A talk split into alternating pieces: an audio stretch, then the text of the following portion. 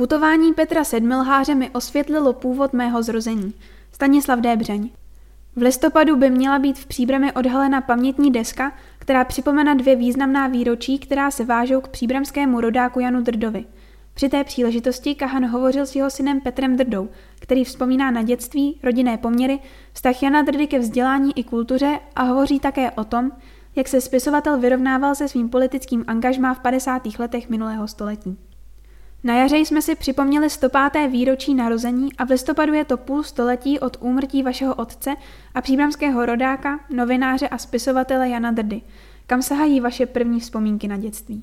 Narodil jsem se v srpnu 1944 a jako své první mlhavé vzpomínky si vybavuji stísněný byt poblíž Holišovického přístavu, kde jsme žili až do začátku roku 1947. Tam se naše rodina rozrostla. Po mé starší sestře a po mně přišla krátce po válce na svět druhá sestra.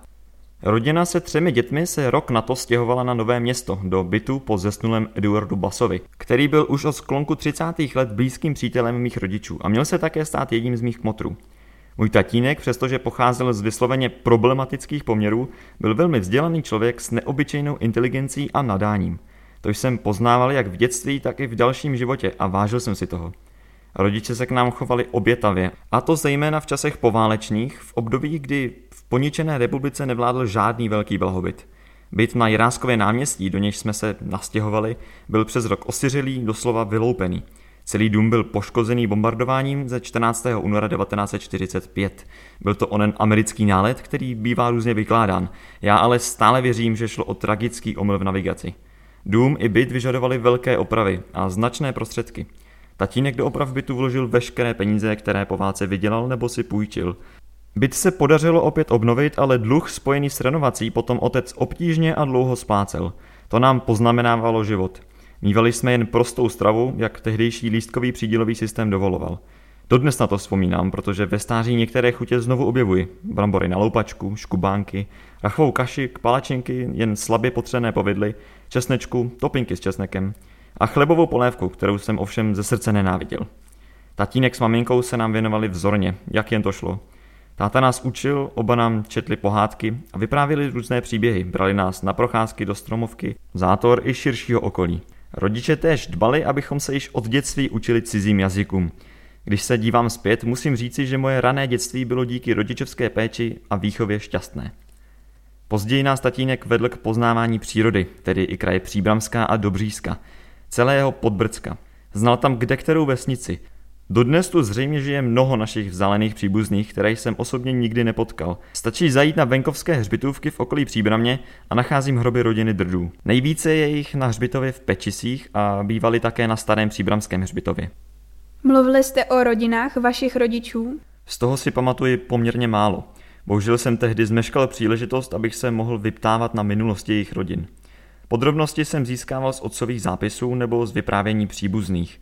Obě rodiny, otcova i matčina, byly, řekněme, na dosti skromné sociální úrovni. Je to přitom paradox, protože rodinný rodokmen státovy strany sahá do Pečic až k roku 1570, a tedy před dobu císaře Rudolfa II. Mám díky otcovu pátrání své předky zaznamenané, tak jak šli v přímé linii až do současné doby. Jsem 12. nebo 13. známá generace rodu, k níž mezi tím přibyly další tři – ze strany matčiny, pocházející od Týna nad Vltavou, to bylo složitější. Její rodiče se jmenovali Novákovi a sestavit delší rodokmen bylo větším oříškem. Přesto je zpracování do 18. století. Co jste se dozvěděl o svých předcích? Původně sedláci, časem chalupníci, domkáři nebo i bezzemci, jak se rodiny postupně rozrůstaly a majetky i pozemky dělily. Byli zpěti s půdou v krajině, kde se narodili a vyrůstali a kterou mohli jen nesnadno a výjimečně opouštět. Předci z otcovy strany žili v okruhu asi 15 kilometrů kolem Pečic, blízko městečka Milín. Tam je náš původ a dodedávna největší výskyt staročeského přezdívkového jména Drda. Rodina matky žila v Temelíně u Týna nad Vltavou. I její předkové obdělávali půdu a mnozí byli také voraři. Až do první poloviny 19. století však mezi mými předky z obou stran převládali rolníci, případně příležitostní řemeslníci či nádeníci. Prvé poté, co bylo v roce 1781 zrušeno nevolnictví a v roce 1848 také podanství, nastala příležitost, aby někteří z rodných vesnic odcházeli. Můj prapraděd, který se narodil v kamenné Omilína, přešel do Příbramě, kde se stal havířem. Další rodinná historie je poznamenána právě havířstvím a těžkým hornickým životem. Povolání předků se velmi často objevovala v tátově literární tvorbě. Byli to lidé důvěrně obeznámení s okolní přírodou, se šachtami a jejich tajemstvími. Jaké bylo tatínkovo dětství? Táta byl vychováván jako jedno z nejubožejších příbramských dětí. Když mu bylo 6 let a jeho jediné vlastní sestře 4 roky, maminka jim zemřela. Stali se sirotky.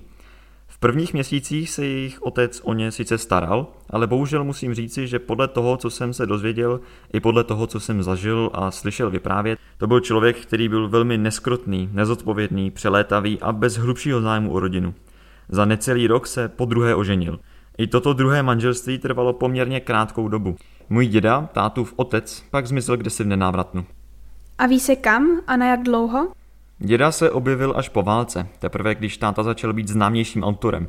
Musím říci, že děda byl snad čtyřikrát ženatý, žádné z jeho manželství však nebylo zvlášť povedené. Nakonec žil poměrně poklidně ve svém pátém vztahu s poslední partnerkou. Dožil se 84 let. Znal jsem se s ním ale velmi málo. Nikdy se k nám dětem nechoval jako skutečný dědeček. Jeho zájem by se dal vyjádřit takto. Petříčku, prosím tě, neměl bys po mně nějakou volnou korunku, potřeboval bych něco do kapsy. Můj otec po smrti své maminky a po rozpadu otcova druhého manželství dostal úředně poručníka. Zprvu se o obě děti starali adoptivní rodiče tátovy maminky. Když však zanedlouho oba zemřeli, dětí se ujala babička Drdová. Ta však byla velmi chudá vdova, musela pracovat jako nádenice v příbramském pivovaře a na zaopatření obou dětí neměla dost prostředků. Proto sestru Marii poslali do sirotčince. Kam chodil Jandrda do školy? Když táta vychodil příbramskou obecnou školu, šel do učení. Začal se učit klempířem, ale vydržel pouze dva měsíce. Stala se mu hrozivá příhoda. Při opravě střechy jedné kostelní věže uklouzl a stačil se zachytit o kapu. Málem ho to stálo život. Naštěstí mohl otec nakonec vstoupit jako stipendista na příbramské gymnázium. Až do jeho dokončení pak zůstával žít s babičkou. Starali se pak o sebe navzájem. Co se dělo se sestrou vašeho otce? Otcova sestra Marie žila v sirotčinci, který již od roku 1855 spravovali školské sestry, jeptišky z kongregace zaměřené na výchovu dívek. Nemajetným poskytovali i zabezpečení a další vzdělání. Teta tak mohla v roce 1936 i odmaturovat. Jak sama vzpomínala, během let poznala život a laskavost sester. Sama se proto rozhodla do kongregace vstoupit a přijela řeholní jméno Marie Benediktína. Kongregaci pak zůstala celý život až do své smrti v roce 2004. Měl jsem k ní od svého dětství velmi vřelý a blízký vztah, stejně jako můj otec, který vedle mojí maminky bral za svou nejbližší osobu a důvěrnici, miloval ji a ctil. Tažení proti církvi v roce 1950 těžce zasáhlo i školské sestry. Jejich domy byly zrušeny a sestry vykázány do vysídlených okrajových oblastí republiky. Teta s dalšími sestrami skončila v Javorníku ve Slesku. Tam žila až do poloviny 90. let, kdy se se zbytkem stánoucích sester uchýlili do Štemplovce u Opavy. Zde teta také dožila. Byla to moudrá osoba s velkým vypravěčským talentem a bohatými životními zkušenostmi. Sestry, ač pochopitelně neměly vlastní rodiny, se staly výraznou součástí života pohraničního Javorníku. Městečka v kraji v 50. letech téměř bez zákona. Měla také velký vliv na život, jednání a rozhodování mého otce. V mnoha směrech ho usměrňovala. S tetou jsem byl v úzkém kontaktu až do její smrti. Vraťme se ale ke studiím Jana Drdy. Po tom, co se otci podařilo nastoupit na příbramské gymnázium, začal už počátkem 30. let psát první divadelní hry pro studentský dramatický kroužek. Na Mětově i režíně byly hry silně ovlivněny osvobozeným divadlem Voskovce a Vericha. Po maturitě začal studovat srovnávací lingvistiku na Univerzitě Karlově. Měl z příbramského gymnázia skvělou jazykovou průpravu. Ovládal latinu a byl schopen plyně latinsky hovořit. Stejně tak byl schopen číst řecké texty. Latina mu později usnadnila cestu k jiným románským jazykům, španělštině a italštině. Během studia si přivydělával kondicemi na skrovné živobytí, které však nestačilo na zaopatřování i jeho příbramské babičky. Proto svá studia nedokončil. Během pražských studií začal otec také psát do různých časopisů. Seznámil se zde s lidmi z kulturních i intelektuálních kruhů, kteří na ní měli velký vliv. Té době taky poznal i Eduarda Base. Jeho štátové prvotiny zaujaly. Dal mu proto v roce 1937 příležitost pracovat ve zlínské redakci Lidových novin, když byl šéf-redaktorem. Ve Zlíně otec pobyl necelý rok. V květnu 1938 na Basovo pozvání začíná pracovat v pražské redakci. Zde měl jedinečnou příležitost poznat významné osobnosti Lidových novin jako Karla Čapka či Karla Poláčka. V redakci se též seznámil s mou matkou Emílií, která byla tehdy v redakci zaměstnána. S ní se v květnu 1940 oženil. Táta zůstal pracovat v Lidových novinách až do Heidrichiády. Tehdy začala být situace v redakci nesnesitelná. Bylo sem dosazeno několik kolaborantů. Vzhledem k tomu, že otec měl již zkušenosti i ze scénaristické práce, využil pozvání Lucerna filmu a jeho šéfa Miloše Havla. Havel ostatně dal na Barandově práce i mnoha dalším lidem, které tak ochránil před nuceným nasazením v říši. Nepsal v té době otec už romány? Ano, současně s prací v Lidových novinách začal s prvními romány. První bylo Městečko na dlani, které se stalo velmi brzy bestsellerem. V anketě Lidových novin byl pak román označen za nejlepší biletry roku 1940. Málo známá je skutečnost, že Městečko na dlani bylo v roce 1943 vydáno v Londýně pro české vojáky. Román byl také velmi úspěšně sfilmován a patří do Zlatého fondu české kinematografie. Román Živá voda 1942 je životopisný, velmi dobrý, nedosáhl však popularity městečka. Čtenářsky nejméně přístupným je třetí román Putování Petra Sedmilháře. Psychologický příběh, pohybující se na hranici horečnatého snu a reality. Vzbudil zájem nejen kritiky, ale i odborníků z oboru psychologie a psychiatrie. Zaujal Egona Hostovského, který Sedmilháře označil za jedno z nejlepších děl české literatury.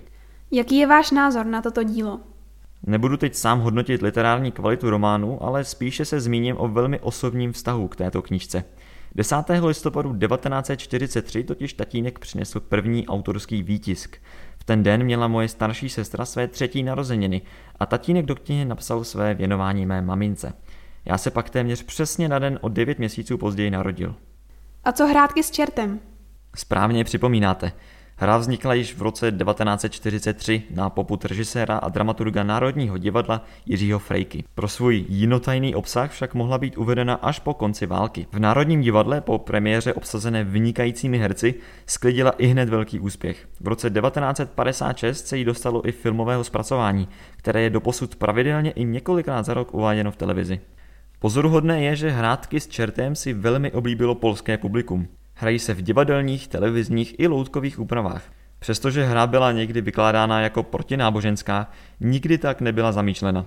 Tím jsem si zcela jist. Jakkoliv se to může při jeho známém pozdějším politickém životě zdát paradoxní, byl táta v hloubi duše nábožensky založeným člověkem. Vždy se pokládal za venkovana a člověka, který měl blízko k lidové zbožnosti. Vyznal se v Bibli a rád hovořil s duchovními, často latinsky.